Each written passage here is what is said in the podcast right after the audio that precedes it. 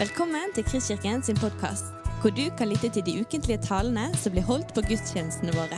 Vi håper denne podkasten vil inspirere og utfordre deg til å kjenne Gud, elske mennesker og tjene vår verden.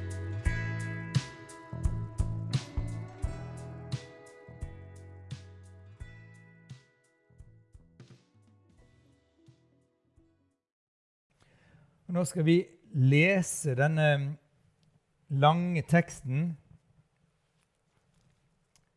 langsomt. Jeg tenker det, det, er mange ting å stanse opp og legge merke til. Og så står det at Jesus lærte dem. Han underviste. Sånn, vi øyner en skjelning mellom en tale og undervisning. Og det har jeg tenkt å gjøre. Rett og slett å være, ligge nærmest undervisning.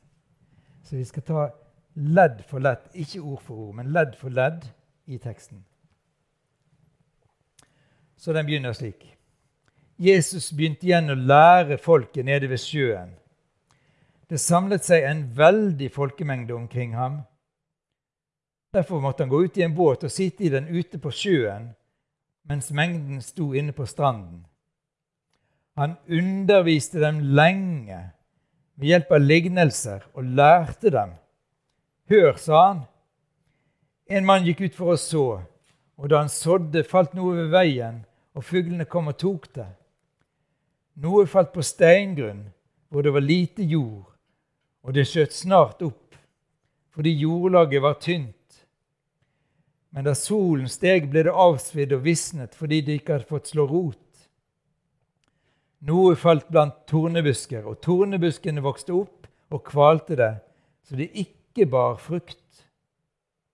Men noe falt i god jord. Det skjøt opp vokste og bar frukt. Noe trettifold, noe sekstifold og noe hundrefold. Og han sa, Den som har øre å høre med, hør. Da han var blitt alene med de tolv og de andre som var med ham, spurte de ham om lignelsen.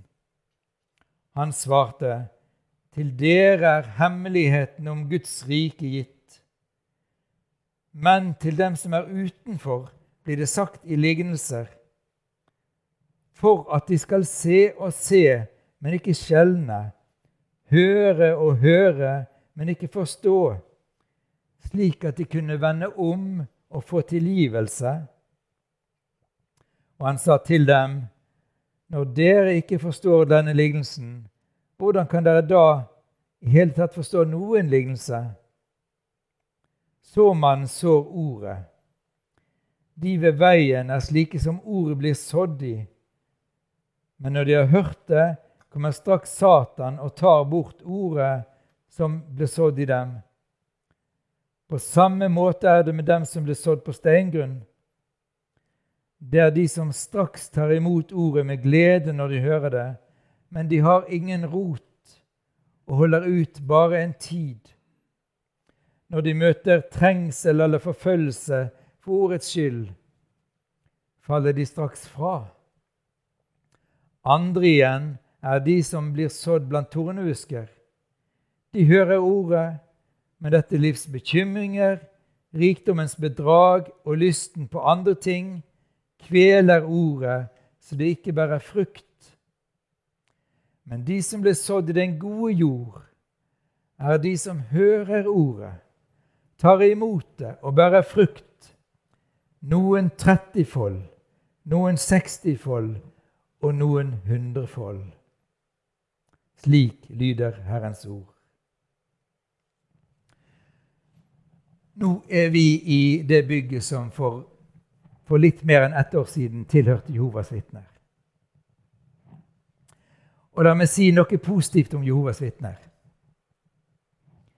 De er utrolig dyktige på å lære. De underviser og underviser og driller folkene i sin forsamling. Og så sender de dem ut med denne læreren.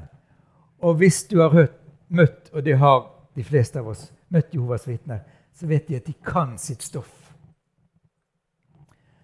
Og dessverre så er det mange kristne som blir nervøse i møte med Jovas vitner. Ikke vet helt hvordan de skal svare. Jeg har en drøm. Og det er at vi skal ha lært så mye og ha så mye undervisning. At når vi møter Joas vitner, så gleder vi oss. Så har vi det med på restauranten, og så sitter de der ved det bordet, og så sier vi kan vi, kan vi ha et godt måltid sammen? Så tar vi for oss Bibelen, og så viser vi ut fra Skriftene.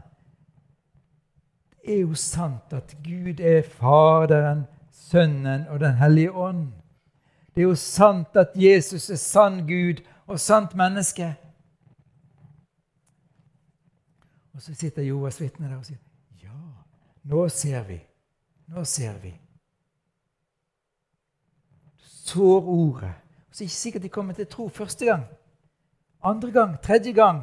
Men det skjer noe gjennom ordet som skaper troen, som til slutt gjør 'Å ja'. Jeg har ikke så mange Jovas vitnevenner som har gått den veien. Jeg kjenner jo til noen.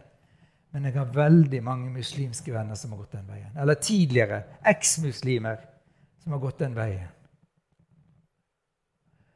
Muslimer som har vært så harde og sinte og argumentert sånn skikkelig. Og så har vi bare forsiktig og ufortrødent, tålmodig holdt på. Dele ordet. Ikke nødvendigvis gå inn i diskusjoner om alt mulig, men bare dele ordet. Og så, en dag, så er troen der. I dag, når vi skal i dåpsselskap, så møter sikkert flere av mine venner som har gått den veien der. Dette ord har en kraft i seg. Guds ord er levende og kraftig og skarpere enn noe tveegget sverd. Det er såkornet som legges i jorden. Vi skal komme tilbake til dette med den enorme frukten som det står om her, som Jesus underviser om at ordet kan ha. Og Paulus han ble jo en av apostlene, men tenk på de andre disiplene. Jesus lærte dem. Han underviste dem. Han var didaktiker, for å bruke det ordet som mange kjenner. Han underviste. Og når Jesus da skulle forlate dem, så sa han nå skal dere gå ut. Og så skal dere lære folket alt jeg har befalt dere.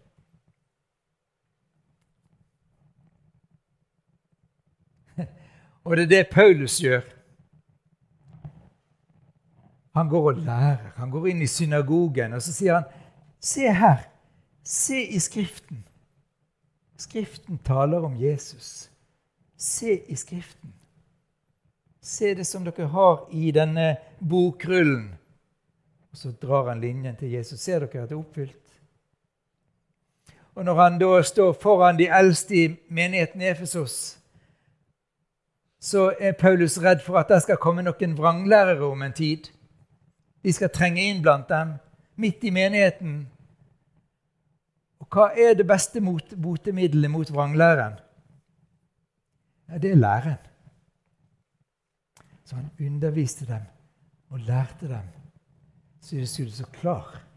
Den dagen vranglæren kom, så kunne de si det står skrevet, Gud har sagt. Se her. Så noen av vranglærerne kanskje ville si OK, vi bøyer oss for det. Og så er det andre, andre vranglærere som bare går. Men Paulus vil verne menigheten mot at det skal komme inn vranglære. Ikke sånn vranglære som kommer og sier nei, nei, nei. Men du vet, når du er på en vei, eller du går på en sti, så kommer det gjerne en, en sti som går en sidesti. Og det er ikke sånn at den går rett på, på tvers, men den tar bare lite grann av. Lite grann av. Og det er så lett for å komme inn på den, men du må kjenne veien. Det er jo sånn med Jovas vitner, som vi har nevnt. ikke sant?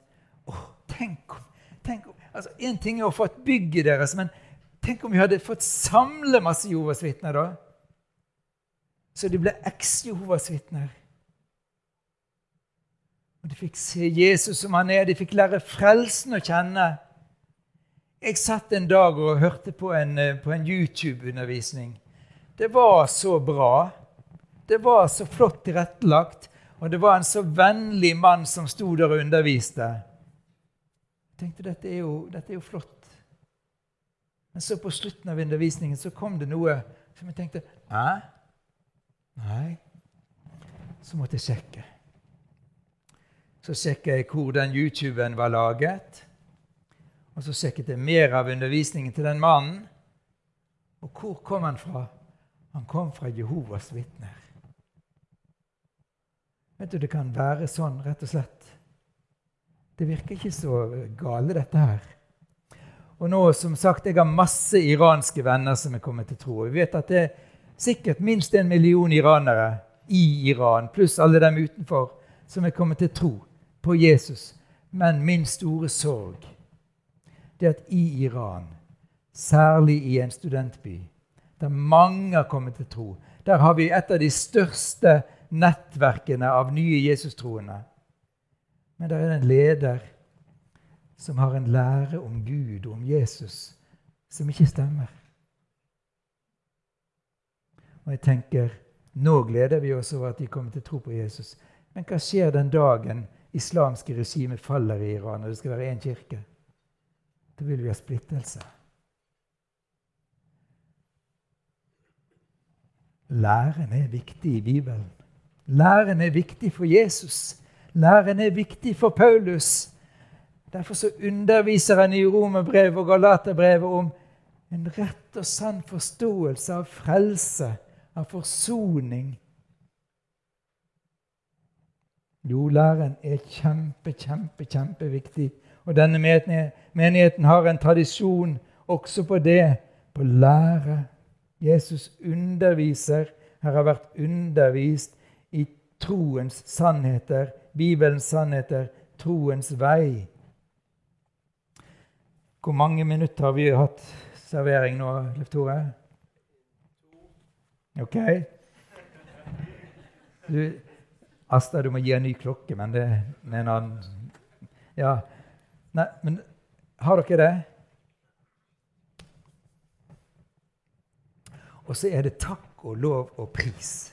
Sånn at lære behøver ikke være tørt og kjedelig. Jeg vet ikke hva dere opplever nå, men dere, dere husker jo Jesus' bergpreken. På slutten av bergpreken så står det at Jesus talte ikke som de skriftlærde. Men han lærte dem. Han talte med kraft og myndighet. Med dynamitt. Med eksosia, som det står. Det var kraft i det. Akkurat som Emmaus-vandrerne. Det brant i deres hjerte. Eller hebreveres forfatter skriver ordet som er levende og kraftig.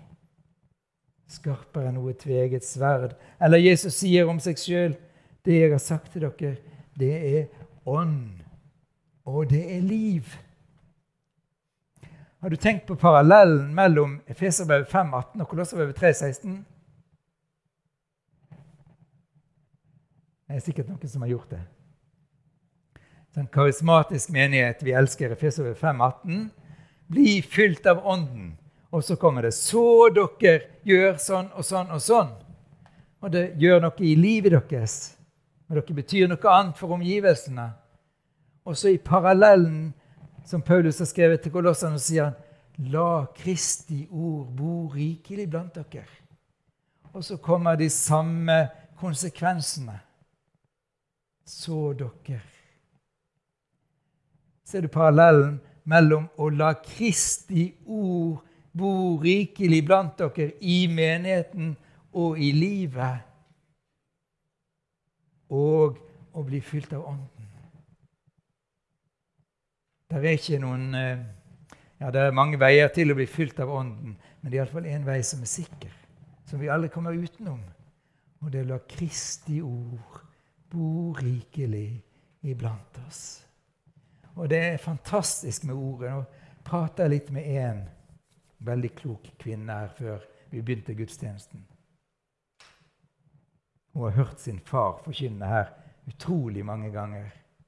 Og vi snakker om dette med at det, når vi leser ordet, så er det jo bare lag på lag på lag på lag av oppdagelser.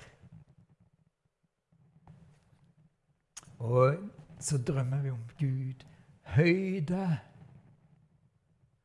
bredde, lengde, dybde i møte med Jesus og i møte med Ordet.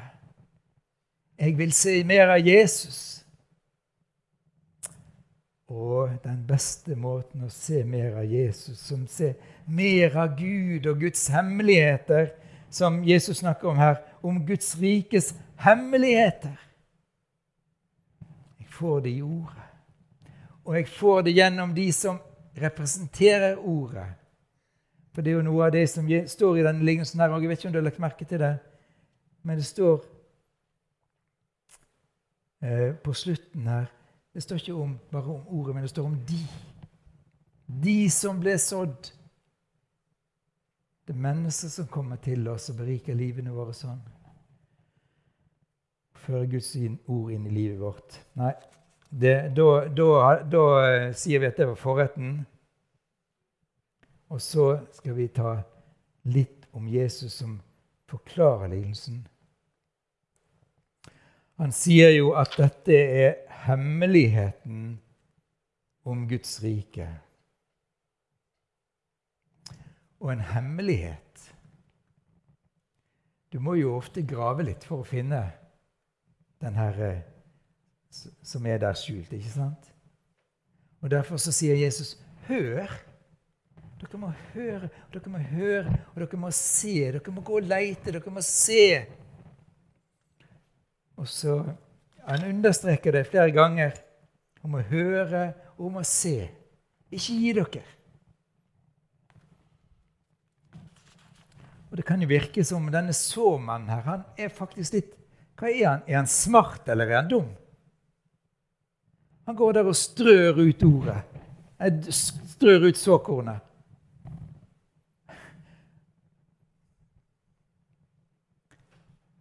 la en bonde få lese den teksten der og si hva, hva syns du?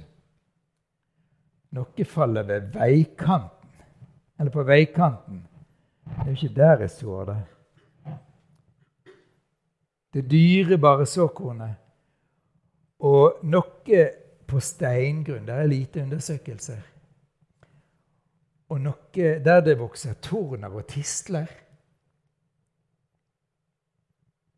Det er de første tre jordsmonnene, om en kan kalle det det. Og så er det den siste i god jord, og det er jo der det skal. Men det forteller jo om noe om såmanns raushet. For 20 år siden, det er ikke noe særlig mer enn det, så sa en i misjonssammenheng at den vanskeligste gruppen å nå med evangeliet, det er muslimer. Det er de muslimske samfunnene. Og ser du på satsingen til store misjonsorganisasjoner, eller små også, og evangelister, hvor en kunne høste inn kjapt, så var det i sammenhenger, andre sammenhenger enn dette. Og nå har Gud sjøl tatt regien. Rett og slett. Nå er de største kristne vekkelsene i verden i muslimske land. Fortsatt henger vi litt etter i å se det. Men Gud gjør det uansett. Og det er så mye såkalte insiderbevegelser. Det er ikke vestlige kristne misjonærer som har vært der og sådd. Men Gud sjøl gjør sin gjerning. Det er så utrolig spennende å følge med på. Sier jeg. Opplever jeg. Og jeg bare lengter etter at alle skal oppleve det. Se det. Det er fantastiske ting som skjer. Det bygger meg sånn opp i min tro. Og så er det noe veldig artig, syns jeg, da, at på disse Facebook-sidene i sosiale, eh, sosiale medier i kommentarfeltene så er det ganske mange muslimer som er inne og kommenterer. Og de prøver å finne alt mulig som er feil ved Bibelen og ved kristnes tro på Jesus og treenighet og alt sånt. Og så jeg tenker Stig, du er, du er jo litt dum. altså. Du er litt enfoldig. For det hender at jeg skriver inn et bibelord i kommentarfeltene som svar. Så nå er det spesielt somaliske, somaliske kristne Facebook-sider jeg følger med på. Jeg legger det inn, og så Har det noen effekt? Ja. Jeg er overbevist om at det har det. For hvert lite bibelord jeg legger inn, for hver liten ting jeg skriver om Jesus, så skjer det noe. Jeg vet det fordi jeg har sett det.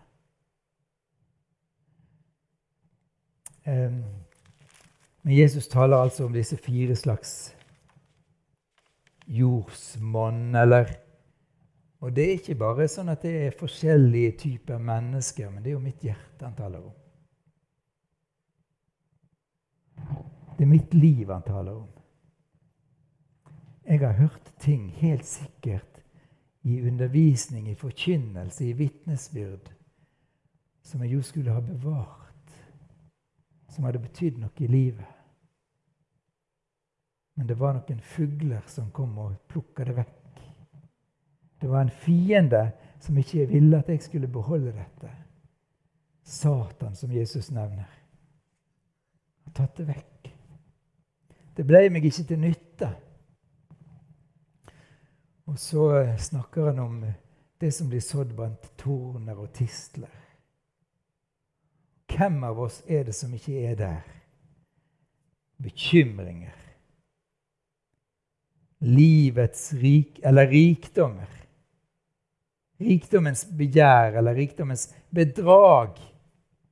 Eller andre ting som vi har lyst på. som kommer da og kveler det som er det egentlige. Nå starter vi opp i Bergen noe som heter Oldkirkelig forum. Den tidligere frikirkepastor som egentlig er leder for det i Norge. Flott mann. Flere med. Nå starter vi det opp i Bergen. Og noe av det som taler aller mest sterkt til meg fra Oldkirken, det er mange ting. Men det er ørkenfedrene sin visdom. De som har stukket av ut i ørkenen for å være alene med Jesus. Og så er det så utrolig mye visdom. Hvor mye er det som forstyrrer oss inne i storbyen? I storsamfunnet, med reklame, med alt vi har lyst på, eller all bekymring. Utrolig mye. Også her. Det dreier seg ikke om forskjellige typer mennesker, men det dreier seg om mitt hjerte. Og så snakker Jesus om steingrunn. Han sier det vokser fort opp. Det er begeistring, det gleder det. Å, det er så fantastisk. Og så kommer det trengsler og forfølgelse, sier Jesus. Det der skal jeg snakke med Jesus om en gang. Fordi at jeg har oppdaga noe i møte med forfølgelse, trengsler. Og det er jo at forfølgelse og trengsler de har en fantastisk effekt ofte til å føre nærmere Jesus. Det er ikke forfølgelsen og trengselen sånn som jeg ser det, men Jesus er jo klokere. Han har jo et større bilde. Men jo, fra mitt ståsted så er det ikke forfølgelsen og trengslene som fører vekk fra Jesus, men som fører til Jesus. Men det som fører vekk fra Jesus, det er forførelse. Akkurat som Eva og Adam i Edens hage. Det var når eh, Slangen fikk de til å ikke lytte til Guds ord, til det Gud hadde sagt, men lytte til Hans ord. Det var da de kom vekk fra Gud. Så jeg skal snakke med Jesus om det, hva det var han tenkte på. Og så den siste biten. Det er jo dette med den gode jord. Priset være Den hellige ånd, som skaper god jord i mitt liv, i menighetens liv, i millioner av menneskers liv, både historisk og i vår tid ute i, ute i verden, som har skapt en god jord. Jeg kan ikke si 'jeg er god jord'. For jeg hadde sånn utrolig lengsel etter da jeg var 16, 16 år gammel etter å lese Bibelen. Jeg hadde så utrolig lengsel etter det. Jeg er god jord. Og Noen år seinere, istedenfor å begynne på geologi, som jeg hadde tenkt, så begynte jeg på teologistudiet. At det er bare én bokstav for seg, så kunne jo havna feil sted. Men, men, det ble teologi. Ah, jeg sugde til meg. Jeg syns det var fantastisk fint. Og i dag Hvor lenge siden er det jeg slutta teologistudiet? 40 år siden? Vel, det. Jeg kan fortelle dere at den dagen jeg var ferdig med teologistudiet og sto der med alle papirene i hendene mine, så, så kunne jeg sagt at eh, Jeg sa det kanskje òg at ikke verst. Ikke verst. Vel fullført. I dag, 40 år seinere, så kjenner jeg at jeg har en dypere lengsel. Det er så mye jeg ikke kan. Jeg har så lyst til å grave dypere. Jeg har så lyst til å begynne på et nytt teologistudium etter mange års erfaring nå, og oppdage nye ting i Guds ord. Vandre tettere inn på Jesus. Lære Gud å kjenne. Så skal bære frukt i mitt liv, og så det kunne bære frukt til andre. Men det er jo fantastisk det Jesus sier om, om denne gode jord. Er det noen med agronomutdannelse her? Ja, altså Når jeg sier 30 folk, er det mye? Du vet ikke. Hvis 30-fold er mye, er 60-fold eh, litt mer? 100-fold ja, Jeg har hørt iallfall at, at dette her som står her, det er jo, det er jo en enorm innhøstning. Det er langt utover det en såmann kan tenke seg å få igjen. Det skal være veldig godt jordsmonn. Det skal være veldig gode forhold rundt. Da kan du få det. Kjempemye. Ord. Så spinner tankene. Så går jeg tilbake igjen til pinsedagen. Peter står og forkynner. Og det er ikke sånn som vi hører fra en del sånn vekkelseskampanjer. Det er blitt forkynt, og det er sikkert forkynt i ånd og kraft der òg. Men så er det opp med hånden, og så er det veldig mange som rekker opp hånden. Og så et år seinere så finner du dem ikke igjen. For da Peter forkynte på pinsedagen, så står det det stakk dem i hjertet. Og det er det Jesus sier her i denne teksten. Så de kan vende om og bli frelst. Jeg husker Oktavianus, vekkelsesforkynner i Indonesia. Han ble kalt Indonesias Billy Graham. Han talte på et møte for tusener av studenter. Og da han var ferdig, så sa han Reis dere opp, alle dere som vil ta imot Jesus. Og de reiste seg opp, og masse studenter med muslimsk bakgrunn. Wow, ville vi sagt. Fantastisk! Jesus, når han så den store folkemengden framfor seg, kunne han sagt 'Fantastisk, folkens!' Og så begynner han å forkynne om fire slags CD-ord. Det er nok, hør, det er noe som faller med veikant. Fuglene kommer og plukker det vekk. Det er noe som bare er steingrunn. Begeistring i øyeblikket. Flott. Og så svir det vekk. Når denne Oktavianus han så alle de som reiste seg, og så sa han, 'Jeg tror ikke dere har forstått.' Og så forkynte han en gang til og sa, 'Å tro på Jesus har konsekvenser.' Å følge Jesus har konsekvenser. Er dere klar for alt dette? Og så sa han etter det, 'Reis dere nå, dere som følger Jesus.' Og så fikk han like mange. Da hadde de forstått hva det betyr. Og så kan vi gå til Oldkirken med ti store, enorme forfølgelsesbølger. Det var utrolig tøft. Og jeg tenker på Perpetua, en ung kristen kvinne i byen Kartago nord i Afrika.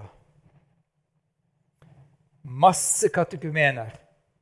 Noen var døpt, andre var bare underveis og de satt fengslet. Og Perpetua satt i fengsel. Men dette Hun har nettopp født et barn også.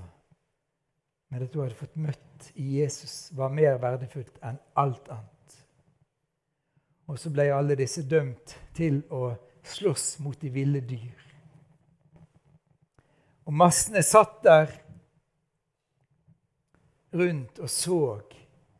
Og de skulle jo være der og klappe og juble. ikke sant? Og de ville dyrene, eller gladiatorene, de tok disse enkle kristne. Perpetua skulle ut og sa det at 'jeg må få nye, fine klær'. 'Jeg kan ikke møte min brudgom i noen filler.' 'Kan dere gi meg fine klær?' Og var alle disse som satt rundt der og så og skulle liksom bivåne noe helt utrolig, noe som for oss er forferdelig. Men det var, det var sånn det var. Så er det noen av de som sitter der, skal ha underholdning, som blir så grepet av de kristnes vitnesbyrd. Midt i dette forferdelige som holder på å skje dem, så fortsetter de å bekjenne Jesu navn og synge lovsanger. Og så strømmer det ned fra tribunene opp på plattformen og sier vi også tror på Jesus.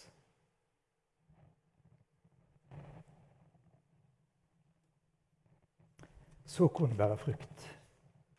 Og vi kan gå helt fram til vår tid. Vi kjenner fra begynnelsen av 1900-tallet de enorme vekkelsene i Korea.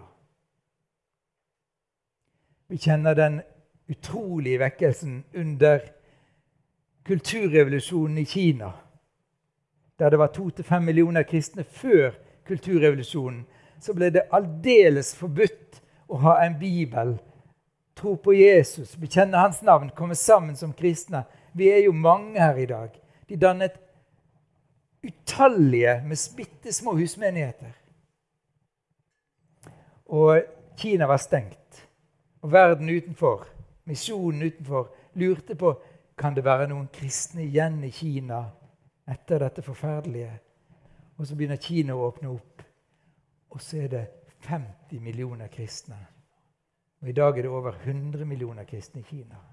Går det an? For en kraft det er i såkornet i evangeliet.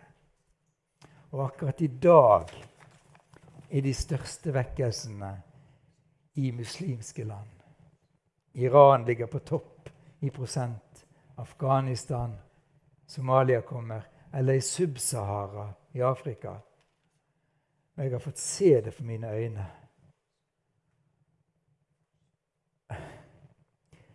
Hvis dere syns at jeg er litt sånn eh, overspent, så er jeg vel kanskje det. Men Gud kan gjøre det. Og nå, kjære venner,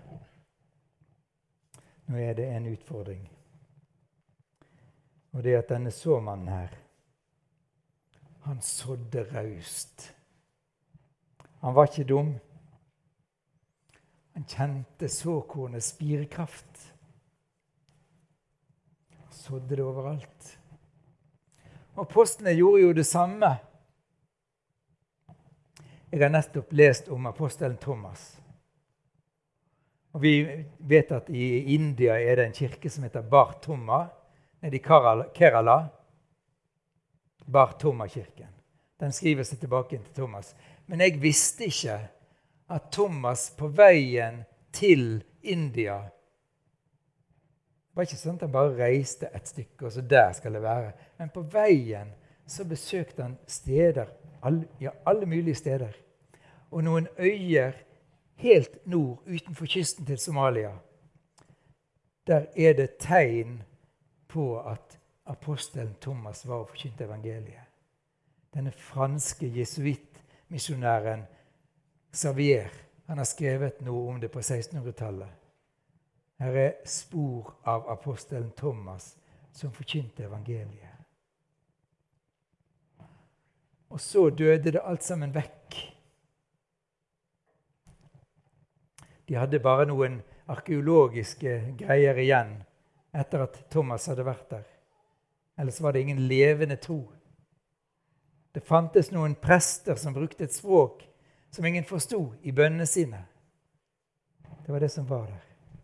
Og i dag, i Somaliland og i Somalia, så vokser det fram en kirke. Kanskje bare på grunn av at noen begynte begynt å spørre hva er bakgrunnen vår? Hva i all verden er det som gjør at det finnes et korsmerke på gravsteinene?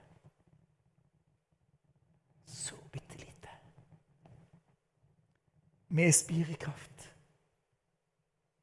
Det du sår i dag, skal kanskje en annen høste etter din tid.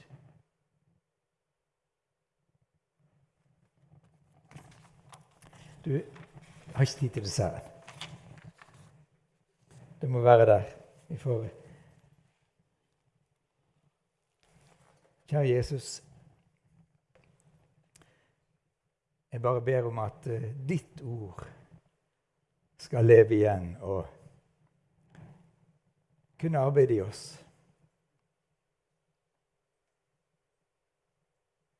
Bare la det som jeg har sagt, forsvinne. Men om ditt ord, som maler deg, som eh, forkynner sannhetene, som preger oss som Emmausvandrerne eller som disiplene de som hørte deg undervise i bergpreken.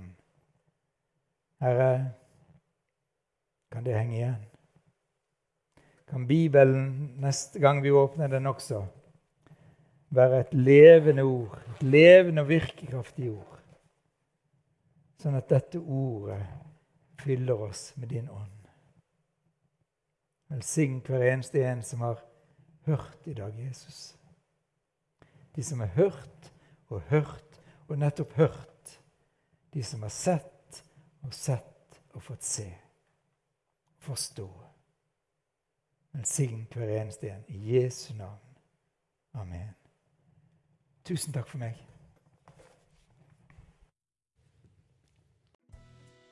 Du har lyttet til en podkast fra Kristkirken i Bergen. Vi håper du har blitt inspirert og utfordret i din vandring med Gud. Vil du vite mer om oss, så klikk deg inn på kristkirken.no.